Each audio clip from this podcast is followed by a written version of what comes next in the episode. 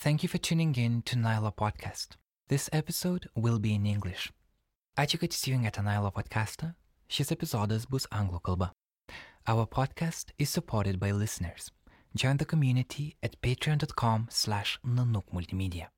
This week's patrons are Ignas Poškus, Indrė Pervežaitė, Blossomwood Foundation, and Donalda Meiželytė. Our long-time patron is Benedictus Gilis Foundation. We're thankful to everyone who supports our journalism. Here is this week's episode.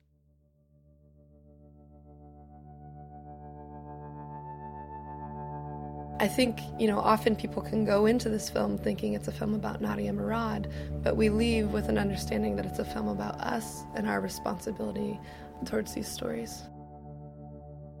How do you tell a story of someone who went through a trauma and not let that experience define the person? American filmmaker Alexandria Bombach asked herself this question when she met Nadia Murad, an activist for Yazidi rights and the winner of last year's Nobel Peace Prize. With her film on her shoulders, Alexandria followed Nadia to the US and Europe, including her trip to a Yazidi refugee camp in Greece. Director created an intimate portrait of a woman who had an enormous responsibility to tell the world of the Yazidi genocide committed by ISIS. More than 4,000 people have died, and more than 10,000 were kidnapped or held in captivity. Among them were hundreds of women who were forced into sexual slavery, and Nadia was one of them.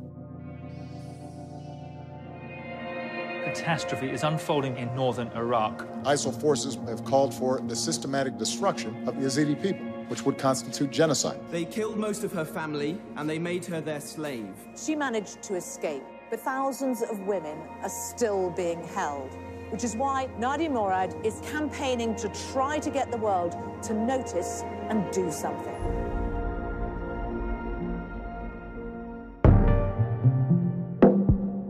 From the studio in Vilnius, this is Karolis Vyšniauskas. You're listening to Nara Podcast. Our contributor, Eva Bulsunaite, met Alexandria Bombach at New York Documentary Film Festival this November. Today, we're sharing their conversation. Hello, Alexandria. Hello, thank you for having me. Thank you for being here. When did you meet Nadia Murad and how did you decide to make a documentary about her? We met in July of 2016. Riot, the production company, reached out to me to make a short film about her, and then eventually um, I convinced them for it to be a feature length film because I felt that Nadia's story needed more nuance uh, than a short film could do, and we are also the only ones with access to her in this capacity, and so it just felt like we needed to do more with the story. And how did you gain the access? Um, some people on Nadia's team, Elizabeth Schaefer Brown, actually reached out to Riot to ask if they would do something, um, and that's when they uh, contacted me. And did you have a personal motivation also to do this documentary? Um, I was really interested in Nadia's story and telling us um, a story about the Yazidis because uh, my last film, Frame by Frame, was a film about Afghan photojournalists, and in a, a big way, that film is also a story about storytelling. Um, and knowing that Nadia has had to tell her story over and over and over again, I was really interested in looking into the impact of that on her and her community and what the world's reaction was to that. And what kind of events uh, did you witness while with her?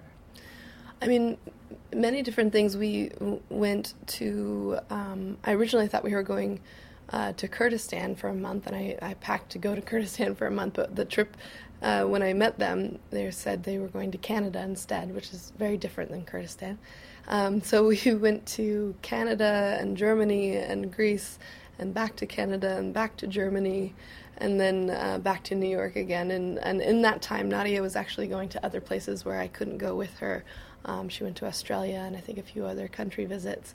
Um, so she was going at a blinding speed. And at that time in particular, they were saying yes to absolutely every interview and meeting that they could because it was just this um, desperate time to get anybody to, you know, do something about these um, about these issues and help the Yazidi people. mm-hmm. and uh, you also visited refugee camps together with uh, Nadia. Mm-hmm. What was this experience for you as well? Um, during the visit to the refugee camps in Greece, it was, I mean, it was pretty amazing because this is was the first time that we I was really seeing Nadia with a large group of Yazidis. Um, most of what I had seen up until that point was her interacting with journalists or politicians or diplomats at the UN, um, and this was the first time I was seeing Nadia with um, a large group of Yazidis, and you could just really tell how much Nadia and her voice meant to everyone. She's the most famous Yazidi. I mean, um, probably one of the most famous Kurdish people are, are uh, and in the world now since the Nobel Peace Prize. So, she, her, um, she she also became very. Uh, calm and um, powerful in those moments and also very at ease just around so many people whereas a lot of the experiences we were capturing before were, um, of course, way more uncomfortable. yeah, and yeah. I, I remember in the movie all those moments that were so emotional actually when you mm-hmm. see her surrounded by other Yazidis and they communicate, they cry, they laugh. It was a very emotional moment in a film. Yeah, yeah, it was um, important. I'm glad we were able to go and, and show that side of her work. Mm. And in your documentary, you are taking different approach. You do not concentrate on her story while in captivity of ISIS, but her on her experience as an activist and becoming an activist. Actually, why did you decide to take uh, this approach? I think starting the film, I had no preconceived notions of what it was going to be like. I just wanted to make sure to be with Nadia um, and follow and just observe what was going on. And I was really taken aback um, by one of the first interviews we filmed with her at just how detailed and um, painful the questions were that the journalist was asking, you know, talking, asking about how did they rape you and things like that, um, that I felt were really sensationalist and kind of um, you know, all under the guise of this is an important story to tell, but it really made me question why that was necessary and what we were doing as storytellers and how what our responsibility is to um, survivors of trauma. And how are we packaging these stories and um, you know what questions are we asking what questions are we not asking? And so in that way it was really um, com- confronting for me as a storyteller, asking these questions of myself too. How am I going to be telling this story? And I didn't want to participate in that sensationalism, and so tried very hard to think critically about what questions I'm posing in the film, and also um, just what I'm, what parts of her story I'm showing.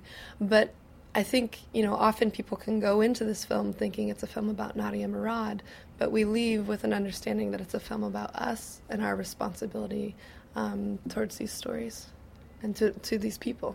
Yeah, I think that's a very interesting issue actually, and I, I want to follow up on it a bit as well mm-hmm. because like media is often playing this game of cliches and sensational information and I think that is wonderful that your film pays attention to that as well. Mm-hmm. And Nadia Murad had to play this media game, which is part of so called modern advocacy, as mm-hmm. it was named in one of the articles about your film. Yeah. It is possible to see in the film that people, they always want something from her. Yes. And I guess you, as you've mentioned a bit before, you always had the sense around you, right? Definitely. And I, I think you know, from very early in the morning to very late at night, it was seemed that they were very, they were always working on the calls. But people also, you know, she's doing testimonies and speeches and interviews, and she's also asked to take photos and accept awards, and it's very conflicting feelings when really you just want people to focus on moving the needle for the for the Yazidis and, and having justice. Um, yeah, it was it was really um, the first time that I had ever seen the behind the scenes of an advocacy campaign, and I was really my observations and my my shock and my frustrations is what I tried to translate into the film. Is it the case that you somehow have to play this role? You have to. I'm talking about Nadia now. That mm-hmm. she had to tell to relive all these terrible memories that she has only to draw attention kind of of uh, media. Yeah i think it's a good question to ask. Is it necessary? You know the world already knew that isis did this. It wasn't as if this was new information. Um, i think these are questions i'm hoping to pose pose to the audience. I'm not trying to give any answers but it's a good conversation to have because you know i heard often that okay this is a part of it this just needs to happen and i really want for the audience to be questioning those things um, and hopefully having better conversations about what's um, what our responsibility is yeah. And in the movie, I think it was the BBC Radio that she had an interview with when uh, they were asking like questions. Uh, how did they rape you? And and mm. so it was uh, CBC Canada. All right, CBC. Thank mm-hmm, you. Yeah. So, and I remember she was crying like at the end of the interview. Mm-hmm. And what was like your reaction as a filmmaker at those times? Were you trying to uh, talk to her and? Mm, no, I. I mean, no, definitely. I think I was always trying to think about what my responsibility is um, to the film. Because if I stopped filming and talked to this person, it, it, it really just becomes about me and me feeling better in that moment. You know, there's no, I mean, Nadia has people in her life that can comfort her, but that's, and of course, it, we were, I, I would you know would want to make sure she knew I cared about her but I really had to think about what my responsibility was and why I was there. Um, and so in those moments I'm filming of course it's completely difficult and emotional to do that. It's not an easy choice but I had to think about the big picture and wanting to affect many more people than just myself in that room you know. Of course and Nadia Murad says in the movie that she did not want to be an activist. She's navigating different tasks, speaking with politicians, the United Nations. And by the way, she was the first person that briefed the United Nations Security Council on human trafficking. And she's a simple girl that wanted to continue living her simple life, as she's telling uh, in the movie. Also, in the film, we see her rehearsing her speeches, trying to hide her emotions in a way. We see her reliving the painful memories every time she tells her story. And I think that you created a very intimate portrait of her strength. And what was the most important for you while filming Nadia? Well, I think um, a, a big thing that I wanted to work on while making the film was to make sure that we were doing this in a different way than the, the media had already covered Nadia. Um, you know, for example, in the interview, um, it was important to me that people felt that they couldn't look away from this issue or look away from her and also have that sense of intimacy. Um, and so we did the Errol Morris style um, interview where she's there's black behind her and she's looking directly at the camera when she's speaking in the interview and she's in the center of the frame. I think because you know there's no distractions behind her and she's just um, looking directly at the audience, I feel like you can't really look away from her or look away from this issue.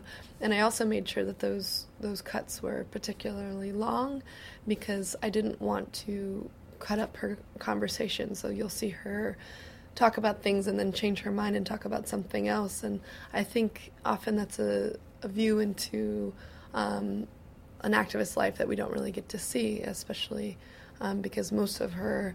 Uh, the media around her is, you know, her giving speeches or or very written or planned interviews. So it was an opportunity to show another side of her, and and in a very intimate way. Yeah, I think it was wonderful that you had those uh, interviews with her, mm-hmm. and uh, I can just quote uh, like the questions that she's also saying in the film, mm-hmm. like why media, why do they not think about questions such as what must be done so Yazidis can have their rights? What must be done so a woman will not be a victim of war? And what I've been thinking while I've been watching the movie was like, that's what people should think in a way when they see the film and the media also. But mm-hmm. it for me it was very sad to see that often like sensation takes over. Yeah, yeah. I mean it's even been difficult with um, the release of this film um, we had a Washington Post headline that read, you know, ISIS rape victim and Nobel Peace Prize winner featured in new documentary, and it's just like completely missing the point of what the the documentary is about and what I'm trying to criticize. Um, so it continues even with the the press around the film that people want to sensationalize the story and also really simplify it. Um, I think the you know we're used to telling stories about women um, from especially from the Middle East in one certain simplified way, um, and I think that's really problematic when we're needing to um, be more critical of our own involvement in how these issues unfolded in these regions. But it makes it really easy to just, you know, lift up this person as a hero and um, give her accolades and congratulations and sensationalize her story, and then, you know, uh, everyone can kind of say that doing something was reading the article or doing something was giving her the award. Um, and I think that's why I asked Nadia, you know, what would you what do journalists ask you and what would you rather they ask and i think that's a big point of the film is trying to see this say this is what we're doing with people who are survivors of trauma and these stories and this is what they would like instead and this is where we need to transition to. And did you actually hear these kind of thoughts from people that watched the movie? I mean because when we speak it seems that you know like the media they accepted they saw the film as some kind of a cliche in a way yeah. you know sh- sh- they made her a victim i mean nadia Again. murad a victim of, of isis but uh, have you encountered people that accepted the movie actually the way you wanted people to see it. Definitely. I, I, think I'm really thankful a lot of people have actually got the point of this movie, and that makes me incredibly grateful that there has been so many elevated conversations about the point of it, just like yourself. Um, every once in a while, I'll be very frustrated by a headline written by an editor or um, a review that comes out that just completely misses the point. All the reviews are, are positive, but they'll be like, we don't know why she didn't tell the story of her captivity or escape, and it's just kind of missing the point. So, um, but I think you'll always find that with making documentaries that um, if you tried to make documentaries that everyone would get, I think they would be pretty boring. yeah. Yeah talking about the audience in a way of your film, I mean, people often tend to draw a line between a so-called us and them, mm-hmm. between between them and events happening far away, and the question of Yazidis was also not discussed for a long time, as you have witnessed an emotional journey of Nadia Murad's activism. Uh, in your opinion, what can be done in order to make people, politicians also, pay more attention to issues, to human rights atrocities that may do not affect them directly? Well, I think it's important for, you know, I think a lot of this film is like pointing out that we've put all of this on the shoulders of a 23 year old woman who's a survivor of human trafficking. And I think a, a big part of this is that we want to, you know, not have that be the answer for the Yazidis, like the, the Yazidis only um, push out. And so it's important. I hope that people will be inspired to, um, you know, speak to politicians and put pressure on um, heads of state to pay attention to these issues. And I think um, hopefully this film inspires that. And maybe you noticed people who are trying to find more information, who try yeah. to contact you also. Um, yeah, I think that there's um, a lot of people that are. I'm really glad that the film leads to more of an interest. I've had a lot of people tell me, like, I went home and I researched the Yazidis. Um, and I can't stop thinking about them, and and that's what I want to spark. I don't necessarily want to make historical or um, more, I guess, on the journalistic side of films where it's just telling you what happened. Um, for me, I want to kind of have a, a, story that shows the bigger picture and the emotion of you know where we are as as people right now and our um, empathy or lack of empathy or apathy even um, to make people uh, click and and think about these things in a new way so that does spark their interest and so i'm not necessarily trying to have the film be that information, but hopefully it sparks inf- uh, the curiosity and the um, the passion to to know more and to do something about it. Yeah, I think it's a very powerful de- decision because, like, emo- emotions they affect you directly. Actually, mm-hmm. when you see them uh, on the screen, mm, yeah, yeah, I hope it will be the same with uh, with this film. Yeah, and uh, actually, it is often discussed how documentaries can be a tool of uncovering human rights atrocities. Uh, what is your opinion about it? Uh, can actually documentary filmmakers be considered as human rights activists as well, in a way? Um, I think there are films that do that. I think there are a lot of films that do that. I don't necessarily think this is a film that does that because it's it's not like I was uncovering something that people didn't didn't know about the atrocities that um, ISIS did. Um, but I think that documentaries can do that. But there's just so many different types of documentaries, and I think it's important for audience members to um, understand that. It's almost like thinking about different genres of, of fiction films. Like there's very there's a lot of different types of documentaries, and I think that some films can do that. Have you ever faced difficulties of telling a story because you were considered as an outsider in a way?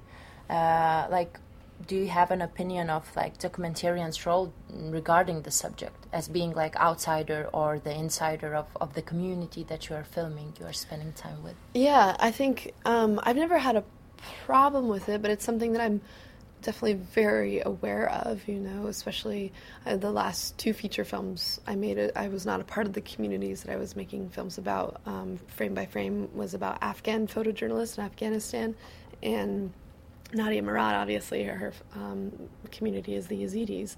So I think there's a really important conversation to be had of who's telling what story. I think with these two films in particular, it was not. It was such a unique um, look into the world. It's not like I tried to make the film about Yazidis. It was just a particular access at a particular time and a unique take on it that hopefully moves the conversation forward. Um, I don't think I would have made a film about the genocide in general because I don't know if that would have been my place. And we talked a lot about like the sensitive issues that you're also showing in this film and mm-hmm. uh, like the sensitive issues that Nadia was facing herself while giving interviews to the journalists and, and politicians and during her speeches at the United Nations. Mm-hmm. And is it possible to kind of name uh, like the rules of how to tell like sensitive stories and how to uh, work on documentaries that deal with very sensitive issues? Well, I wish there was a good rule book. I would have read that rule book. Um, I think it's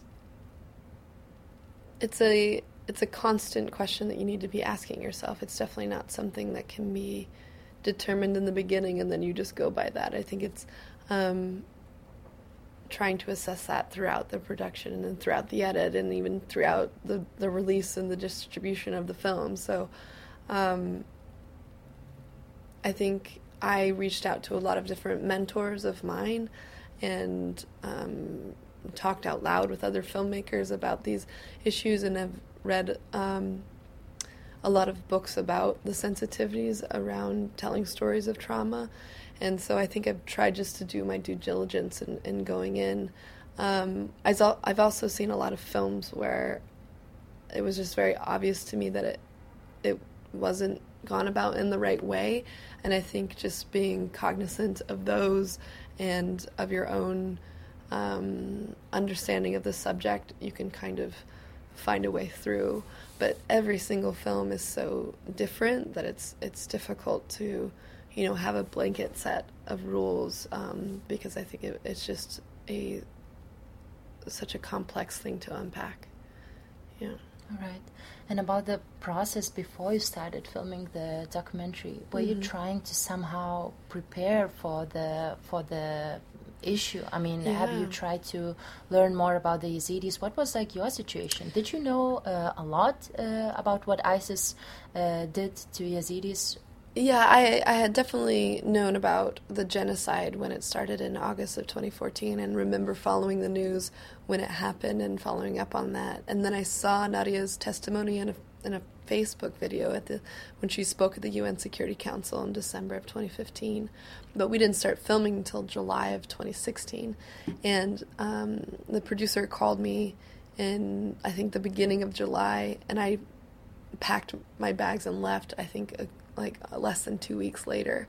So in that time period, I was watching every single video I possibly could about Nadia and obviously reading as much as I could about the Yazidis and the genocide and where things stood now. And um, it was a lot of just, yeah, background research into everything, but it was very, very fast. And another part is, you know, just listening to Nadia and um, Murad Ismail and the people around her, Luis Moreno Ocampo, and really become being curious throughout production. So it's not even just um, while there, but you know, in the middle um, to late end of the film, they're talking about how the separation of the diaspora can actually, and the refugees that are in Greece, can actually be the completion of the genocide, and that was.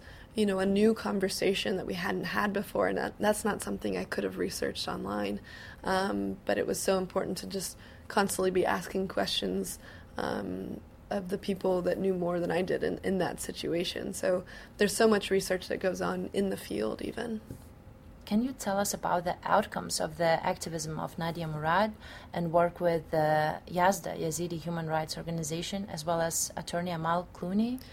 Actually, the Yazda organization. Can you tell uh, tell us more about the organization? Well, Yazda um, and Murad, um, who is director of Yazda, they they work on the ground in Iraq and in many different um, communities that have diasporas of, of Yazidis. Um, but the what I will say is that Nadia actually has her own initiative now. It's called Nadia's Initiative, and you can look up that work at nadiasinitiative.org. Um, a big part of her work, and the film kind of leads this uh, um, uh, and shows how they came to these conversations, um, is trying to get back people back into Sinjar and have you know right now there's there's not a lot of infrastructure or stability. It's really unsafe to be there, and ISIS was planting mines as they were leaving, and so a huge demining project needs to happen. And so Nadia's advocacy work is a big part of it. Is is, is that um, is trying to get people in, uh, back into Sinjar and making it secure also in the film you capture Amal Clooney, the attorney with her, and uh, I remember also in the headlines it was a big thing because Amal Clooney joined uh, Nadia Murad, mm-hmm. and I remember uh, Amal Clooney herself. She said in the movie, you know, if if this gives like publicity in a way that I'm married to a uh, star, then it's a good thing. Yeah. You know, in a way. Have you also um, noticed it? Well, I think in the film, I'm tr- really trying to draw attention to how complex that is. I mean, Amal Clooney is an incredible, um, you know, human rights lawyer that uh, I know that you know the Yazidis are Nadia are very thankful to have on their side, and their her Nadia Amal and her team are doing really great work. I think in the film, we're trying to give space for that, but also to have a conversation about. Um, you know, the, the celebrity side of Amal's life that d- does draw in a lot of attention. And um, I think that's really helpful, but I think the film tries to touch on the irony of that. That um, by the time you meet Amal, you're just so desperately wanting Yaz- the Yazidis and Nadia to have a voice, and it it just seems like there's a lot of irony with the fact that it has to be because of a celebrity. Um, but Amal is very um, smart and um, and really gracious around these issues, and I think handles them very well. Um, and it's really impressive what her team actually does. So I think that was a hard thing to to put into the film to to show just how incredible Amal and her team are in their work, um, while you know also showing the side of the story that is a little bit more um, nuanced and ironic, I think. All right. Yeah. And did you have like a personal relationship in a way with uh, Nadia Murad, and uh, did it affect you personally? I mean, your career as a filmmaker and uh, as a human being. Um, I think it would be you. It'd be very difficult to be around Nadia and not be affected personally. Um, so many people have been very touched by her, and she's also, um, you know, people like to throw out words like strong and resilient when they're talking about survivors, but um, following Nadia very closely and sometimes with a mic and a long lens, I just got to see so many of her interactions with other people. And not all of those were very um, fun interactions for her. You know, a lot of people just don't know how to be around her, but she was very. Um, incredi- she was incredibly gracious and incredibly patient with everyone that wanted to help with the cause. So, um, and that in, includes me. She was always very um, gracious uh, and kind. Um, a big part of our relationship, though, is I just tried to give her as much space while still trying to make the film um, as as possible because I just you know didn't want to be another person who um, you know was also asking things of her. All right. And can you give us a few insights of the production of the film? So, mm-hmm. actually, how much time uh, did you spend uh, in total? Was it like intensive filming hours? Uh, mm. How was this process of working? It was a really intense production because um, their lives are very intense. Um, at that time, it was it was really fast paced. They were saying yes to almost everything, so it was it was just relentless um, for them and um, it was a small crew. Um, at any given time, it was just either myself and uh, the producer Hayley Pappas, or myself and um, Carrie Maxon, who was the second shooter, came on later. Um, and so it was important for it to be small, though, because it's a very intimate film, and you know, there's only so many people you can fit in a car and throw around and go to all these meetings. Um, and but so it was about a three month shoot, but we only filmed for about two months in those that three month time, um, and the I think the total amount of footage was probably like a little over 150 hours. So it's not it's not very much actually. All right, yeah. and then post production, how much? Yeah, it was it was about a year long post production. Um, and uh, editing that was was emotionally way harder for me than than shooting because I think while you're filming, you're kind of just trying to do the work and focus on doing the best job you possibly can and staying in focus and having the right exposure in the camera and navigating a bunch of um, producing uh, tasks and trying to figure out what's going on next. Um, and so it wasn't until uh, the post production process that I saw this footage, and I really was able to, you know, open up my chest and, and feel the things that I was feeling in the in that those times, and that was um, and it was it's painful to to watch, um, you know, ten hours of footage a day about one of the saddest things um, for a year. So it was definitely the hardest part. All right, but I think it's just very important that you made this film. And Thank you. As you've mentioned before, you were director, cinematographer, editor. Mm-hmm. Did you decide to do it this way by yourself, or was it a, like a strategy? Of, uh... Well, the film started out um, as a short film, and they, I was hired as to to shoot and direct and edit a short film, and then um, when it came to be a feature, it just I just kept with those roles. Um, I, I shot and directed and edited my last feature as well. Um, it sounds like a lot of roles, but for me, I direct while I'm shooting, and I also um, direct while I'm editing. And so there's it just seems like two roles to me, and I'm not really thinking about that third role until I go to film festivals and they call me a director. Um, but it's just um, you know I'm directing with my hands um, very literally and physically in, in, in both of those ways. Um, and I enjoy that. It's just been my process forever. So for me, it's um, hard to think about it any other way. That's just the way I tell stories. Yeah, I think that's great because it also brings you closer to the story. Yeah, and I think there's. I just did another interview where, um, you know, people are always concerned about directors editing, especially their own work. But for me, um, I wanted to make sure that people could really feel what it was like to be in those rooms. And I don't know if I could have described that to anyone else. Um, I wanted to make sure that it felt like you were in the room as we were as we were um, you know behind the scenes of all these different places. Um, and so for that, it needed to be a direct representation of how I felt to be there, and because I'm not trying to make the audience feel how Nadia feels. None of us can know how she feels, but what I tried to pay attention to is what I felt like being in those spaces and how heartbreaking it was or how beautiful it was to see her laugh or how much joy it was to see her um, you know have a moment of peace and, and how painful it was to see her break down or, or you know beautiful it was to see her be with other yazidis. It's like i wanted people to be with me in those places um, and uh, for that to happen, I think I needed to actually edit uh, myself, if that makes sense. Mm, yeah, I think actually that you really succeeded uh, Oh, doing good. that because uh, when when I've been watching the movie, I really felt that I'm very close to Nadia. I mean, and as you've mentioned, it's impossible to know what she's feeling, what she's thinking, but yeah,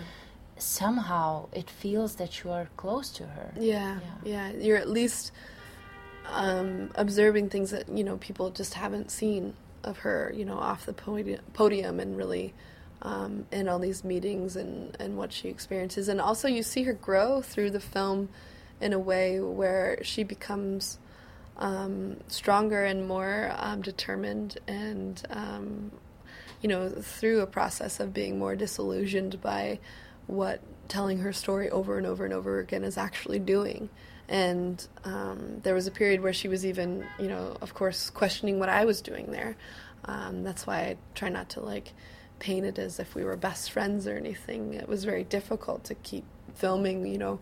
She um, i could fel- feel that she was really questioning all all media and i was definitely a part of that. Of course if she would ever tell me to stop i would have stopped but um, but it was just kind of that pain of like you know what really is all this for um, and yeah and i hope that uh, by the end people really see her take ownership of, of, of her story and her the words that she's saying and um, it's it, I didn't really realize that that arc was there when I first got into the edit and but as soon as I watched the footage a few times I was like oh wow she really did change in that three month period that I knew her Yeah. Yeah. Yeah. I actually also noticed it. I think Yeah. I think it was like very interesting to see this change. yeah, Yeah, and- definitely I don't know, for me it was also painful in a way to see it, you know, Mhm. how it affects her.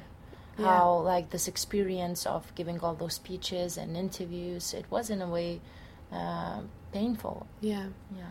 I think, of course, that side's painful, but I think she really started to, um, you know, push back in her own way. She's also just a very fierce person, and her book, um, "The Last Girl," it was wonderful for me to read. I read it, you know, towards the end of editing the film, but it it confirmed a lot of the things that I felt about Nadia, where you know she has been feisty her whole life, and I think you know at the end of the film, she is writing one of her final speeches that's in the film. That's um, her presenting at the UNGA, and at one point she's saying to Murad, who's helping her uh, cut down the speech, she says, "Why does this say, imagine yourself?" uh, and it's quoting the speech. Why do you say imagine yourself? They can't imagine. They'll never imagine. And she wants to erase that part. And it's just like that kind of thing where she really just started to have more um, ownership over her voice, which was really encouraging. Yeah, also I remember in, in one speech where uh, she said that she's a refugee and uh, another person wanted to add activist uh, just to have like activists and refugees so it would be stronger Yeah. and it would affect people more if you would have those those two words. Exactly. I think a lot of the film is her growing into an activist because in the beginning, that's when that happens, where she's just saying to um, one of uh, Simone at the, at the UN, saying, you know, I don't think I'm an activist. I think it's important to say that I'm a refugee, and that's the first one of the first things you hear in the film is Simone saying, you know, I think you're a refugee and an activist, and you see Nadia thinking about that, and not and that really points to just how of a reluctant activist she is. Um, that she just wanted to be seen as a refugee asking for help, and I think she thought that that was going to be enough, and sadly, it's it just wasn't. And so she, you see her growing into this activist who's, you know, putting so much more powerful things in her speeches and really taking ownership of her of her voice. Mm. Mm-hmm. What actually, in your opinion, can be done, let's say nowadays, in countries such as Lithuania, for instance, which is very far from, from the issue, mm. to help the people? You meant uh, you mentioned the uh, initiative of Nadia Murad. Yes, yeah. Uh, would you mind like repeating what? Uh, where can we find more information about? Yes, yeah, it's uh, nadiasinitiative.org, and so if you go to the website, um, it's it's uh, super helpful to donate, obviously, to their work. Their work is really critical right now for helping Yazidis. Um, yeah, and I think it's also asking yourself, what can you do? There was uh, a screening I went to the other night where um, a doctor from Doctors Without Borders was going to look and to see if he could help at the refugee camps in Kurdistan because there's 400,000 people who are displaced. Um, and, you know, I also had a, a friend who quit her day job and went back to school for international um, relations and, and, you know, inspired by this film. So I think, and, and it's also been a wonderful conversation to have with other storytellers and filmmakers. And I hope journalists see this film and think critically about our own roles too. So I think there's things that you could do for the Yazidis, and then also just to ask yourself what personally you can do for these kind of things. Yeah. Of course. Thank you very much for doing this, yeah. and it's a pleasure meeting you. And Likewise. Yeah, I hope that people who are listening to this podcast enjoyed this talk as well. So this was Alexandria Bombach, director, cinematographer, and editor, and me, Yava Balsunite, for the Nara podcast from the city of New York. Take care and goodbye. Thank you so much. Yeah, thank you. That was really